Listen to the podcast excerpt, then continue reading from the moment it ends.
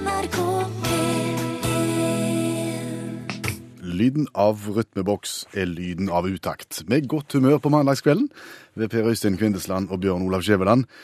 Og går det nå an, Skjæveland, å få til en åpning uten diskusjon om hattevitsen? Kan ikke vi bare komme i gang? Nei, altså, hattevitsen er for elska og for omstridt til det, og nå har nye berømte folk hevet seg inn i hattedebatten.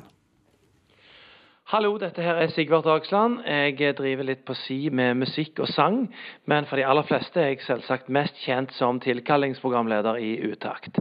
Det opprører meg at krefter i Norge vil ha vekk hattevitsen som åpningsvits i Utakt. Hattevitsen er legendarisk. Dette her er en vitsepolitisk skandale. Hattevits er best. Ingen protest. Nå kommer vinteren, og vi har ingen sommerhatt. Men hva skal vi med sommerhatt når vinteren kommer?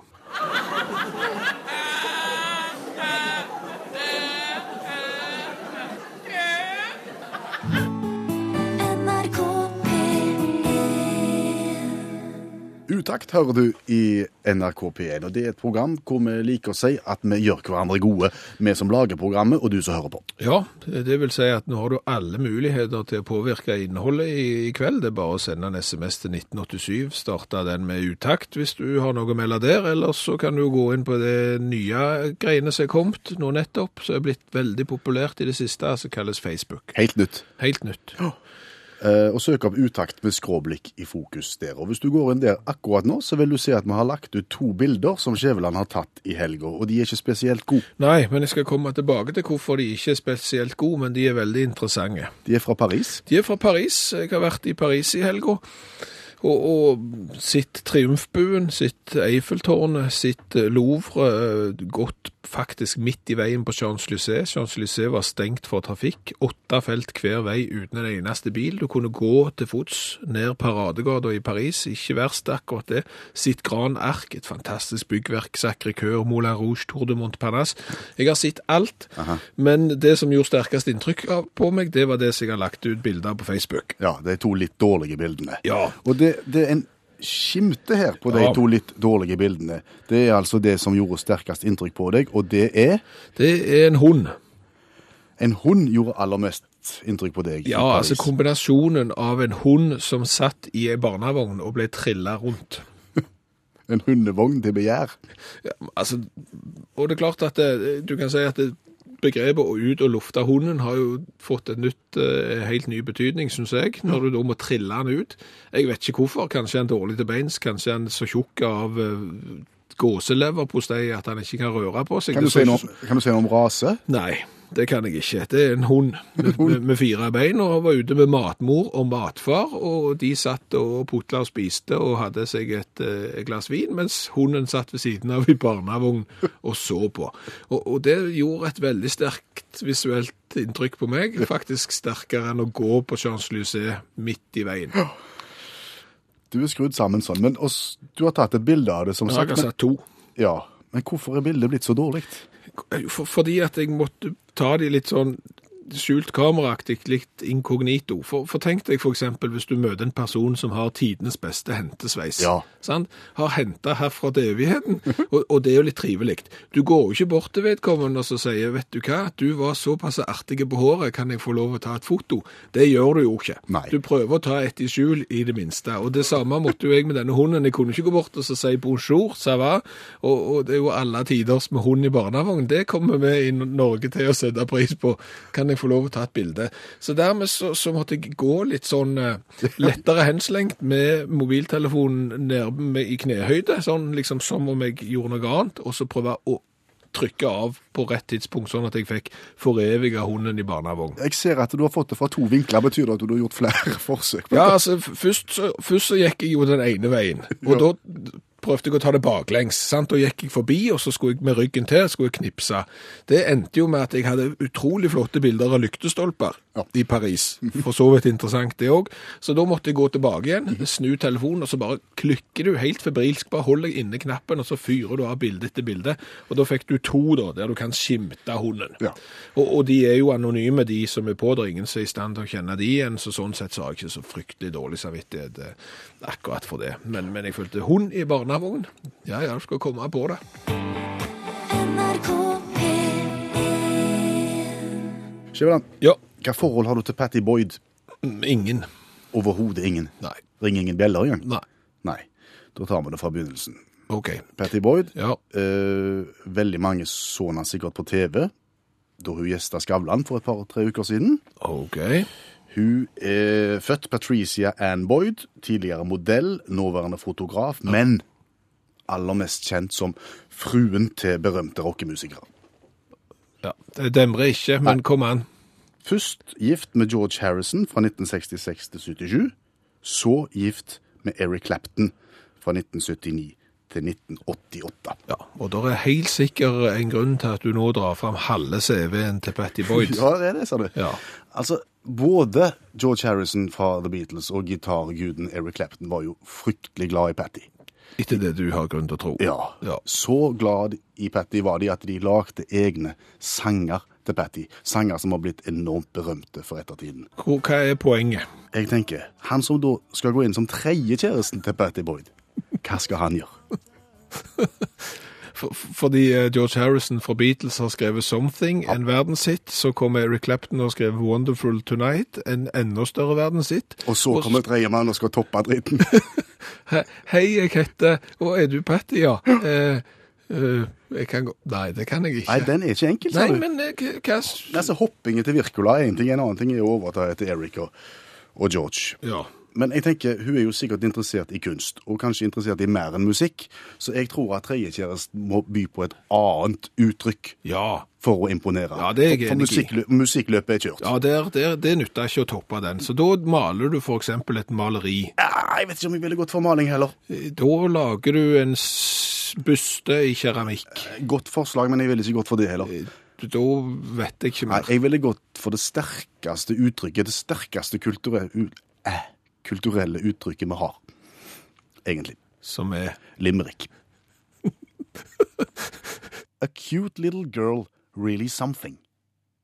She's wonderful now and next morning.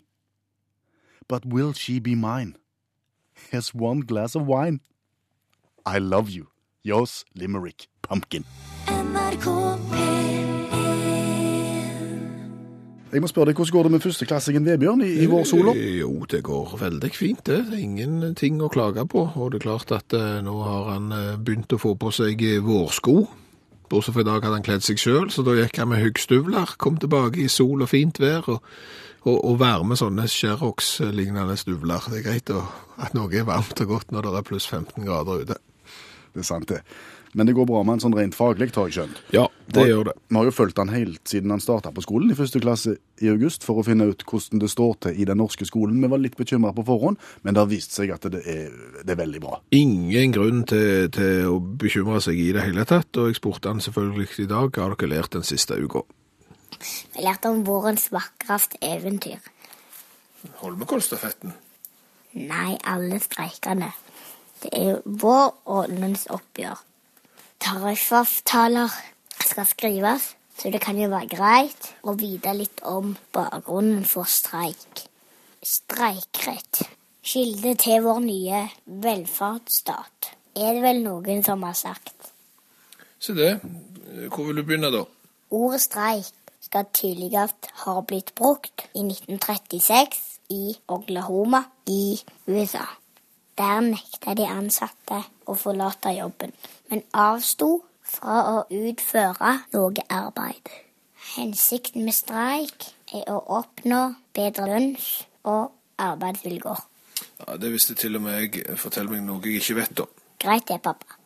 Visste du at det første kjente arbeidsopprøret fant sted mot slutten av de 20. egyptiske dynasti i den kongelige byen Nikropolis? Det var nytt. Hva streika de for, da? Grunnen var mangel på hvitløk, som arbeiderne brukte for å øke sin utholdenhet og generelle helse. Hendelsen ble nedskrevet i detaljer på papirus, som er bevart og nå befinner seg i Torino.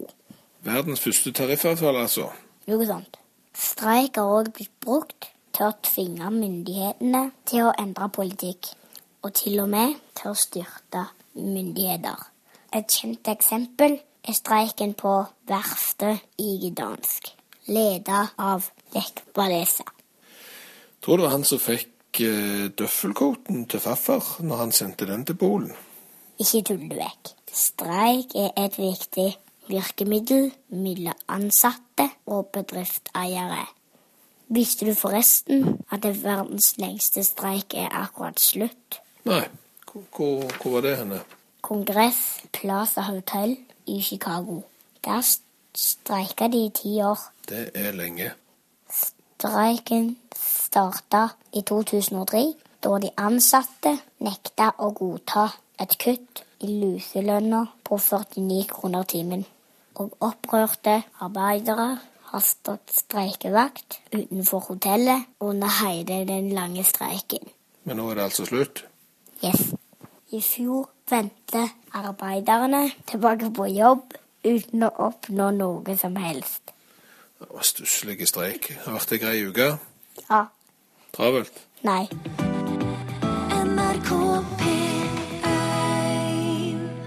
Og vi begynte dette programmet med å snakke om en opplevelse du hadde i Paris, som satte spor, som gjorde inntrykk.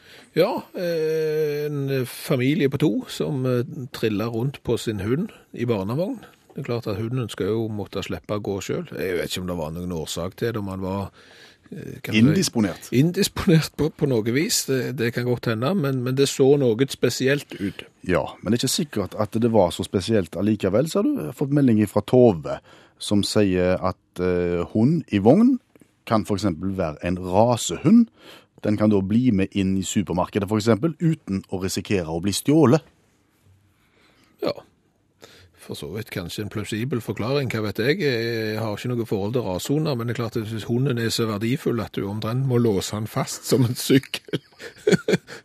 altså andre tar båndet på, på hunden liksom, og så bare tusler det rundt en liten stang, og så går de gjerne og spiser pølser og sånn, men du må, må låse han fast med, kjetting, for det er ingen som skal stjele han. Da, da føler jeg at det der hundeholdet har gått litt over styr. Da er det da er det en fin hund. Ja, det kan godt hende. Han dør en gang, den òg. Så det er jo kjekt. Det gjør vi alle. Er det flere meldinger Yes. om, om hund i vogn? Ja, Siren har òg sett hund i barnevogn. Hun var i London i helga. Der ser du London og Paris, storbyene. Der er det hunder i barnevogn. Hun så en i Regents Park. Ei dame som ikke hadde mindre enn fire hunder. To løse, én i bånd og én i vogn. Eh, og Det var først når hunden i vogna hoppet ut at eh, Siren forsto litt av årsaken. Den hadde bare tre bein. Ofte. Ja, og det er klart stor hund med tre bein i Regents Park, da orker du gjerne ikke så mye. Nei. Mens i mellomtida så hoppet da en puddel oppi og, og tok seg en liten hvil i, i barnevogna imens den andre trebeinte hoppet rundt der i parken. Det er mye ekorn òg der. Så det er klart trebeint hund jager han etter ekorn. Det, det er òg et bilde. Det får vi ta neste gang. Greit. Eh, Nå skal vi snakke med allmennlærer Olav Hove, han som har to vekttall i musikk. Fordi for et par uker siden så satte vi oss ned for å snakke inn ei bok som skal komme ut til høsten. Ja, det er et banebrytende prosjekt, rett og slett, eh, der eh, lydboka blir lagt først. Den blir da lagt aldeles uten manus, rent improvisert. Ja har aldri tidligere blitt gjort i verdenshistorien etter det vi har grunn til å tro. Og så er det allmennlærer Olav Hove sin jobb å høre på lydboka og skrive av akkurat det han hører. Ja, Han har fått eh, seks, sju, åtte timer med, med snakk, Ja. Og jobben er bare å høre på det. Ja, hvor vanskelig kan Nei, det hvor være? vanskelig kan det være? Det er seks-åtte timer, det er par og 30 kapitler. Det, det er jo bare å sette seg ned og skrive, men han kommer jo ikke i gang. Der har vi sittet en hel lørdag og gjort det beste vi kan i noen timer, og så, så klarer ikke han å føre dette i pennen. Det har ikke kommet noen ting til tross for at vi har purra på han. Altså Forrige mandag så var han innom her og sa at han ville prøve øh, å tilnærme seg stoffet gjennom den såkalte Truman Capote-varianten. Som, som handler om å, å ligge på sofaen og drikke sherry mens en skriver. Og, og det er det det har gått i denne uka, Olav. Jeg ligger på sofaen ja, og prøvde å skrive med, med PC på fanget og slike ting. Eh, Kjøpte inn sherry. Eh, veldig små flasker for øvrig. Eh, smakte òg ikke noe særlig godt. Men, eh, og så har jeg unger, vet du, og de ser mye på TV og slike ting. Og så er det renning att og fram, og ungene har venninne og ja, Nei, jeg gikk ikke der, altså. Og det er klart Når far ligger på sofaen ei, uke med sherry, så det er klart at verken unger eller ven, venner syns det er særlig stas. Selv om det er kunst. Selv om det er kunst, så var det et slags sosialt selvmord. Så derfor så tror jeg at jeg går over til Victor Hugo. Um, Og Le Miserable-forfatter. Ja, der våkna du, ja. Det visste du. Uh, ja, jeg føler meg veldig knytta til han, for at han var, i i tillegg til å ha Ringeren i Notre-Dame og uh, Le Miserable, så, så eh, var han enormt sterk på prokrastinering. Hva var nå det? Var det det at du kunne gjøre flere ting på en gang? Nei, det er når du skal gjøre en ting, og så blir, finner du ut at eh, oi, fotballkamp på TV, ja, stilig. Oi, og så var det nyheter på og, så, Ja, du, du gjør alt mulig annet, da. Ja, Du finner alltid en unnskyldning for å ikke gå i gang med det du gjør. Og det var Hugoen god på. Det var Hugoen god på. Prokrastinering. Og han var liksom på ærendesida, da. At han måtte ut og gjøre ting. Kjøpe seg en bagett eller et eller annet, en ny bukse, masse sånt styr. Så han eh, og hadde tjener, heldigvis, Så han fikk henne til å, å låse inne klærne sine. Så kledde han seg naken, og så skrev han 'Le miserable'. Kunne ikke gå ut da, når du er naken. Um, så det var hans måte å gjøre det på. Uh, det er sånn nakenskriving. Så, så måten du skal få det gjort på, måten du nå skal komme i gang og bli ferdig, er tidsnok det er å kjøre Victor Hugo Nagen-varianten. Ja. Kan jeg bare få si én ting? At hvis unger og venninner syns det var dumt at far lå på sofaen med laptop og sherry, så syns de sikkert det er enda dummere hvis du går rundt naken. Godt poeng, godt poeng. Men jeg skal prøve. Alt for kunsten. Alt for kunsten. NRK P1 Og vi har hørt det i nyhetene, og vi gjorde det forrige mandag. Vi advarte mot eh, halvstuderte røvere innenfor selvhjelpskursing. Ja, for det viser seg at det er mange ufaglærte som tilbyr kurs i selvhjelpsteknikk. Og så advarer jo psykologer da at dersom kurslederen ikke har utdannelsen som er god nok, så kan det faktisk gi deltakerne dårligere mentale helse enn når de gikk før de begynte på kurset. En skal være forsiktig, men det er jo ikke bare enkelt å avsløre kursholderen om han er bra eller ikke. Nei, det... Du kan jo se på papirene selvfølgelig, men det kan jo være juks.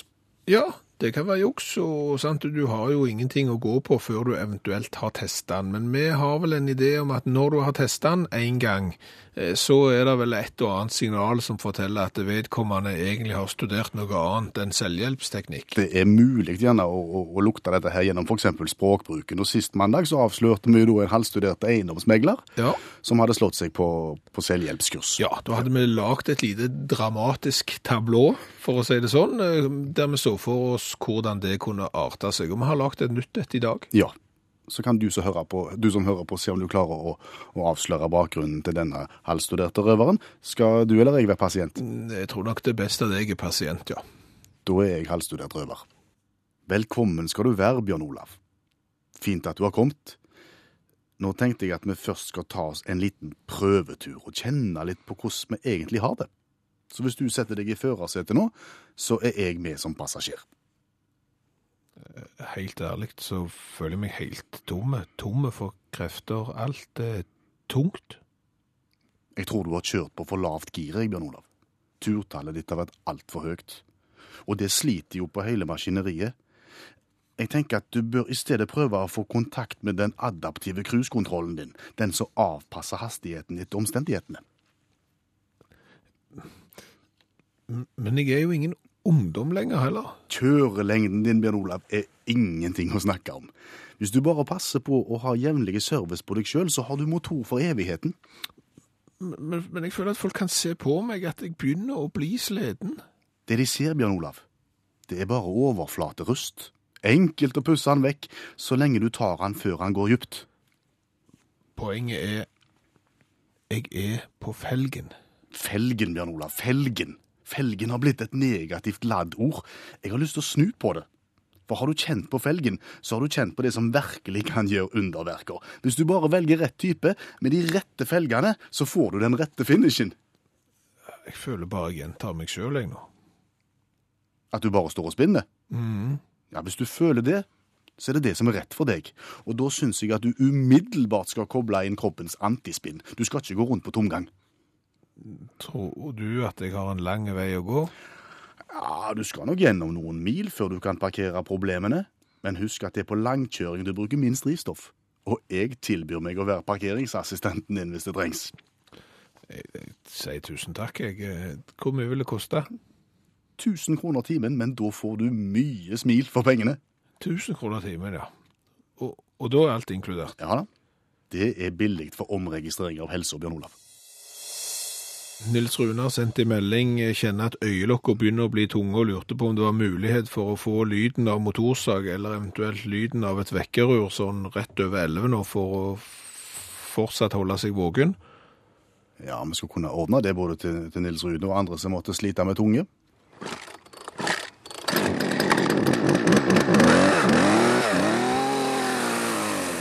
Han virka.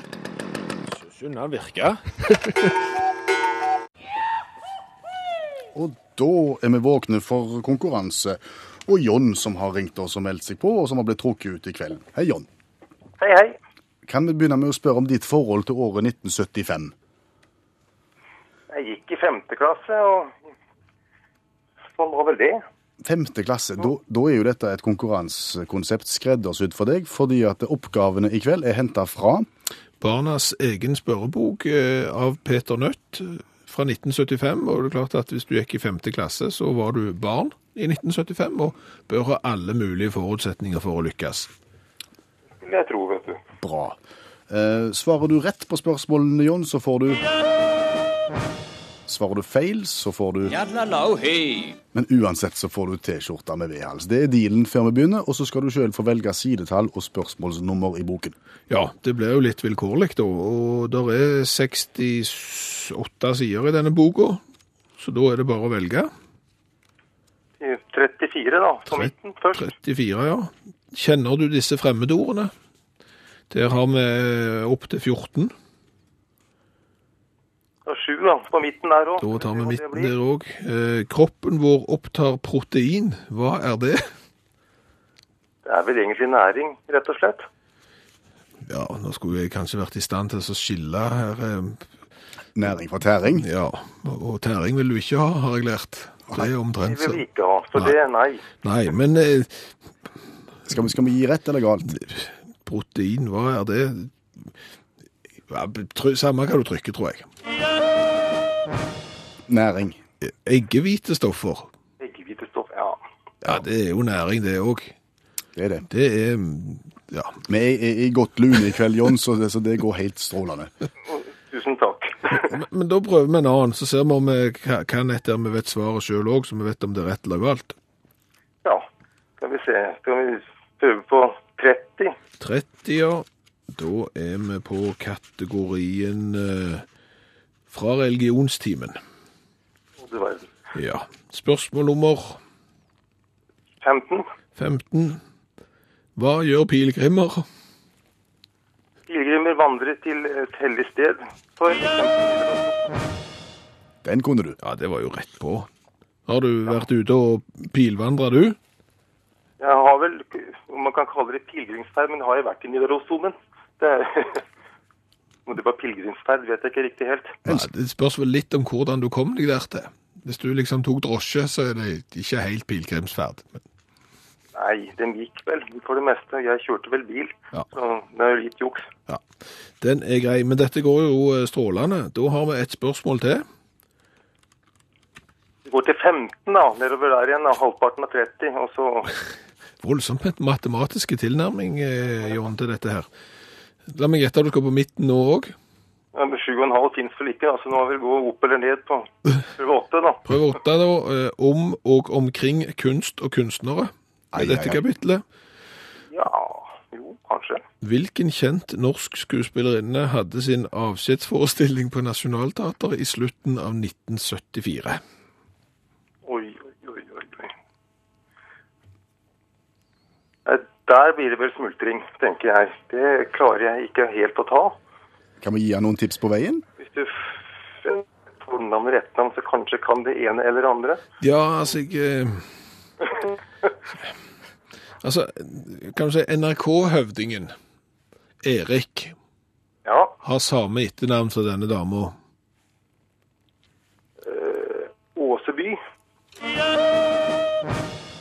Se det, du trengte bare litt starthjelp, John, så var du der. Starthjelp det var jo et navn, men sånn på teatret var jeg kanskje ikke den mest bevandrede, så jeg, men navnet er kjent, ja, når jeg får tenkt meg om litt. Grann. Det var Åseby. Ja, det var jo kjempebra. Jeg aner ikke om det hun var i slekt med Erik, men det, det vet sikkert andre. Det vet ikke jeg heller. Vi går ikke ned, vi går ikke ned den veien nå. Ja. Da er det bare å gratulere Jon Mømb med premie og, og tre rette. To og en halv rett iallfall. Sjelden etternavn, Jon. Takk for det. Det, det etternavnet ditt det er sjelden. Ja, det er, eh, det må nok staves for mange, og du sa det faktisk riktig, og det er det ikke mange som gjør. Så du får et poeng av meg. Ja. Mømb. Mømb. Det er Rendalsnavn, faktisk. Så det er bare der det kommer. Øvre Rendal. Akkurat. Stilig. T-skjorta er på vei til Veldig Mømb. uvanlig. Ja. Ha en god kveld videre. Så sier vi at vi liker å gjøre hverandre gode i utakt. Det vil si at eh, vi gjør vårt, og du som hører på, gjør ditt ved å sende en spørsmål, kommentarer og forslag til tema. Øystein har sendt oss et spørsmål. Han har sendt oss det før også, og vi har hjulpet han før, og vi har lyst til å hjelpe han igjen i kveld. Ja, det er klart at i det øyeblikket du får en jobb der du får en mikrofon i ansiktet og kan snakke til hele Norge, så blir du jo plutselig automatisk flinke til å svare på absolutt alt. Det sier seg selv, du blir rett og slett et orakel. Det er den eneste utdannelsen du trenger, er å få en mikrofon. Og Øystein har nettopp blitt far og har en del spørsmål til oss. Og, og vi er jo småbarnsfedre før, men vi har vært igjennom den fasen som Øystein går inn i nå, så her har vi mye å bidra med. Ja, og det er klart, eh, for en måneds tid siden så hjalp vi jo vesle Theodor når han sleit veldig med hikke. Eh, Rådet var vel å snu han opp ned, eller noe sånt, gi han et lite, bare forsiktig dunk og holde han ut av bilvinduet med munnen åpen. Og kombinere med det litt bringebærsyltetøy. Så var mye gjort. Ja. Men hva er problemet i dag? Nei, altså problemet i dag er jo at eh, Theodor som er født 13. januar i år, sant, eh, er jo kommet i den eh, alderen der du gjerne liksom etter du har spist en liten matbit eller noe sånt, så, så, så føler du i hvert fall at ungen har det bedre når han har kommet med en liten rab, eller eventuelt en liten fis. Ja, du legger gjerne barnet da opp over skuldra på en måte, og går også smådunker bak på ryggen eller på stumpen, for å få ut den der lille rapen som, som gjør at du trykker lett inn i magen. Ja, og, og når vedkommende har gjort det, så, så er du jo på en måte kjempefornøyd som forelder, og så sier du, å, det var godt jobba, sant? Flinke du var, Theodor. Flinke du var, Theodor, ja. Men hva lurer Øystein på? Hvor lenge skal du oppmuntre til dette? Sånn aldersmessig? Ja. Og det er klart at her er du inne på, på noe, for det er klart at det er jo sjarmerende kanskje helt i starten, men gjerne ikke så sjarmerende på første skoledag, eksempel hvis, eh, hvis Theodor eh, møter på innskriving i, i manntall, og så det sier å, velkommen til skolen, Theodor, rabe og fise. Det er ikke populært. Nei. Konfirmasjonen skal du unngå. Ikke bra. Nei, det, Nå skal vi ikke spøke det vekk, men det er hårfine grenser her. Ja, det er det. Det er litt som å ha unger som bader uten badetøy. Det er for så vidt sjarmerende en liten stund. Så blir det aldeles usjarmerende en lang stund. Resten av tida, egentlig. Ja, klart. Poden på 17 som, som springer i vannkanten med spann og spade. Ikke fint. Nei. Far 46, bare stygt. Ja, det er ikke noe særlig. Nei, men eh, skal vi gi han et år, da? Nei, altså jeg vil si, jeg vil si bare slutt å skryte med en gang. Eh, fordi at eh, jeg, tror det er helt unødvendig. Altså bare få fram den reaksjonen du vil ha, og, og så skryter du ikke i det hele tatt. Altså ingen form for ros, hverken med raping eller eh, fising. Eh, Det tror jeg er resepten. Okay. Så, så kommer det når det kommer, og så får du slutt på det når det absolutt bør være slutt på det. Er det andre magerelaterte ting du vil er, altså- si til Øystein nå mens du har sjansen? Når jeg først har eh, Øystein her foran radiokabinettet som eh, nybakt småbarnsfar og med en viss erfaring for så vil jeg jo si at det viktigste rådet kanskje jeg kan gi som en fra en far til en annen, det er pass på at Theodor ikke drikker avfettingsmiddel. Nei. Ikke drikk eh, avfettingsmiddel type skjell, for det kan få følger. Ja, det, det kan det, for det som da skjer er at du ringer til den der giftmiddelsentralen, eller hva det heter for noe, så sier du poden har drukket avfettingsmiddel, hva skal jeg gjøre? Da sier de gjerne drikk noe fløterelatert. Det har du jo ikke, så da smelter du en fire-fem pinup vaniljeis med sjokolade. Så lepper gjerne en Theodor inn på det, altså hvis vi snakker om han her. Eh, Så eh, tenker du at ja, men dette gikk jo greit. Ble han ikke kvalmen i det hele tatt? Nei, det gikk relativt greit, så da er det jo bare å få vaska sånn, siden han da er innsmurt med avfettingsmiddel, og det tenker du det er jo en fin eh, kombinasjonsjobb. Da kan du hive søster i badekaret samtidig, for eksempel. Eh, Så begynner reaksjonen etter blandingen av fettingsmiddel, smelta vanilje, som gjør seg gjeldende. Det er da kvalme, med påfølgende oppkast. I badekar? I badekar med søster i badekar. Hva skjer da? Da skjer det sånn at vi må bytte badevann. Det er òg den dagen når slugen finner ut at nei, nå er det på tide å bli tett. Eh, Da stiger vannet på gulvet fordi at badekaret renner rett ut på flisene. Med spya i, unge som skriker for han har spydd, og en annen unge som skriker for å ha blitt spydd på. Ja. Så hvis du skal komme med et veldig godt råd til nybakte foreldre, så sett avfettingsmiddelet relativt høyt, og eh, spis isen på vanlig vis. Dags. Daus. Daus. Den joviale måten å si hallais, hallo på Ja, i Danmark. En liten velkomsthilsen der, eh, rett og slett. En daus. Og det er sikkert en og annen eh, nordmann som har tenkt seg til Danmark i sommer. Gjerne Legoland eller eh, Djurs. Eller Forups. Forups, København og og sånn. Og, og vi vet jo det at danskene skal ha all honnør de kan få, fordi at de har en egen evne til å få nye ord, og ikke minst få de inn i den offisielle dagligtale via den danske ordbok relativt snart. Ja. Og de har en del artige ord, eh, betegnende ord, som vi gjerne kunne tatt lærdom av. Og i forbindelse med at sommeren nærmer seg, så tenkte vi en liten innføring i noen av disse ordene. Ja, og det har vi gjort på følgende vis. Jeg går inn i den danske ordbok og finner et fiffig lite dansk ord, og du skal prøve å gjette hva det betyr. Og dagens ord er Limmedasker. Det er helt sant, jeg har aldri hørt det før. Nei. Det var Limmedasker. limidalske. Ja, lem, lemmedasker. Det hørtes ut som noe jeg ikke har lyst på. Nei, nei, det er klart at hvis du, skal, hvis du akkurat liksom skal tenke i, de baner, så kan det høres noe eh, ugreit ut. Ja. Men, men du skal ikke tenke i de baner. Det er, det er ikke en sånn en lemmedasker. I det hele tatt. Nei, det er en annen type lemmedasker. Men er det noe som dasker noe? Nei. Har det ingenting med dasking, Nei. slåing å gjøre? Altså, i overført betydning kanskje litt dasking og slåing, men, men, men, Men mest lemming. La, har det noe med lam å gjøre? Nei. Har det noe med en lem? Altså et sånn, noe du kan åpne og lukke? Nei. Hva er det å lem? Ja, men altså, det har med, med lem å gjøre, men, men ikke hverken det lemmet du har midt på, eh, eller en lem du åpner, eller, altså, det er en kroppslem. Hva er det for noe? Hva er en kroppslem? Altså, for eksempel, armen er En jo kroppsdel. Et, et kroppsdel, ja. Armen er jo et, et lem, Akkurat, ja. eh, så, så der er vi. Hvor kommer dasken inn? Nei, det får du finne ut av. Det er jo ikke min, det er jo din konkurranse.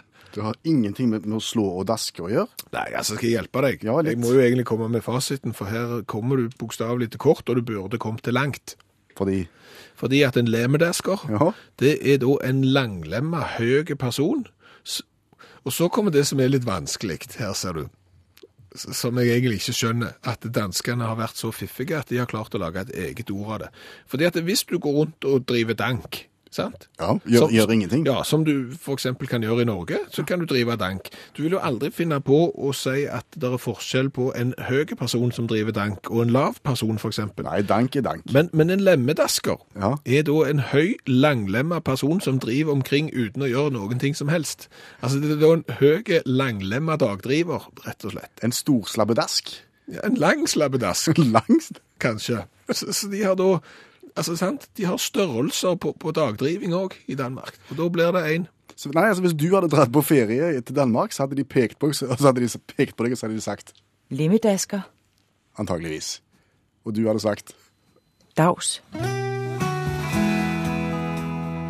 utakt i NRK P1. De har tidligere i programmet fortalt at uh, Skjæveland har vært i Frankrike i helga, i Paris, selveste Paris. Der har han sett eh, en hund i barnevogn, men han har også sett eh, andre ting. Ja, jeg har sett eh, pannekakeutsalg. Opptil flere. Ja, og det var da det slo meg noe som ikke har slått meg før. Og det var Hvorfor har butikker en egen evne til å samle samme type næring i ei gate? Fortell. Nei, altså, la oss ta da et såkalt krepperi. Det er fransk krepp for eh, pannekaker, og den kan du få enten med is og sukker og alt det søte, eller så kan du ha liksom denne middagspannekaka. Og da er det ikke måte på. Det er omtrent som om du legger pannekaker med fisk, pannekaker med bacon og pannekaker med stud. Mm. Alt slags. Men det var ikke poenget. Nei, poenget var at du går ned ei gate, ei ikke spesielt lang gate, 200 meter kanskje.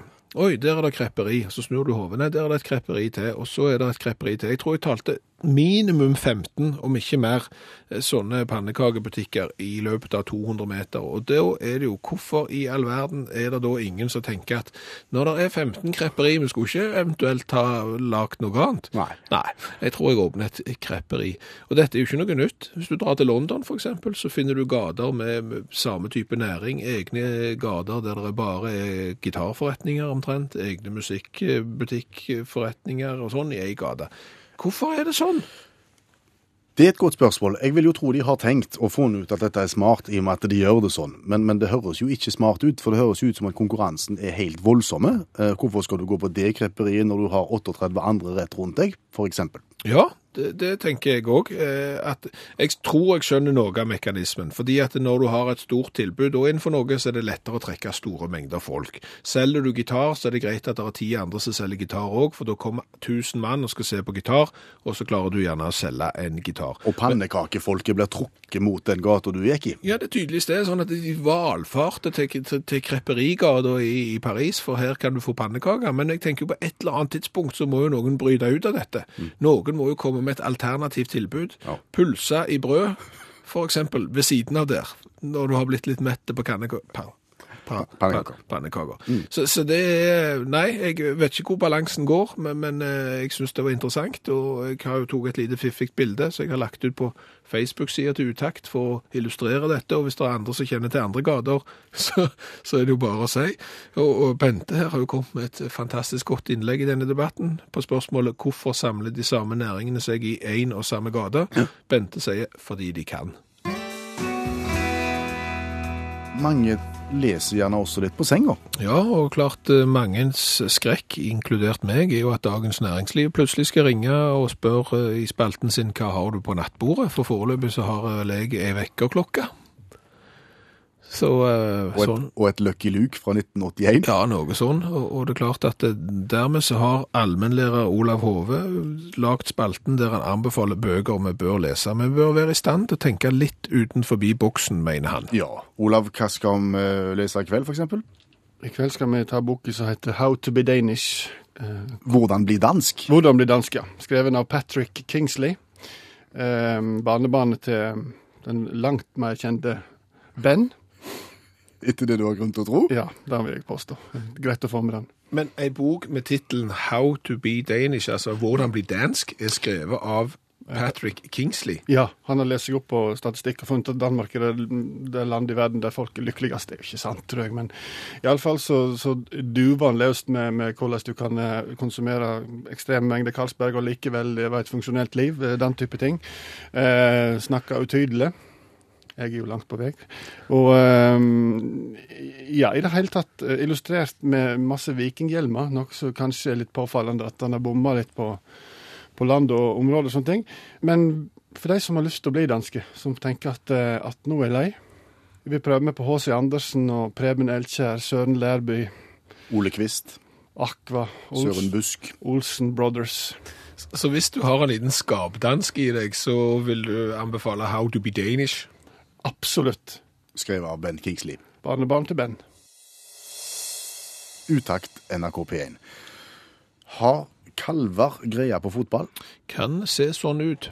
Iallfall hvis de heter Benny og er oppkalt etter den legendariske vikingtreneren Benny Lennartson, så ser det absolutt ut som de har greie på fotball. For et par-tre uker siden, før seriestart i fotball, hadde vi besøk av kalven Benny, som eh, ved hjelp av et fiffig eh, juksemelkedrikkesystem eh, tippa utfallet av Eliteserien i fotball 2014. Ja, det var et jur for hver eh, klubb, og det juret Benny gikk til, det ble nummer tre. Det neste juret Benny gikk til, ble nummer to, og det siste juret Benny gikk til og drakk melk av, vant Eliteserien i fotball. Og vi lo jo av resultatene som Benny framskaffet, for han ga da gull til FK Haugesund, sølv til Lillestrøm og bronse til Stabæk. Ja, og det tenkte vi kommer jo aldri til å skje. Lillestrøm, en dårlig sesong i fjor, Stabæk har nettopp rykt opp.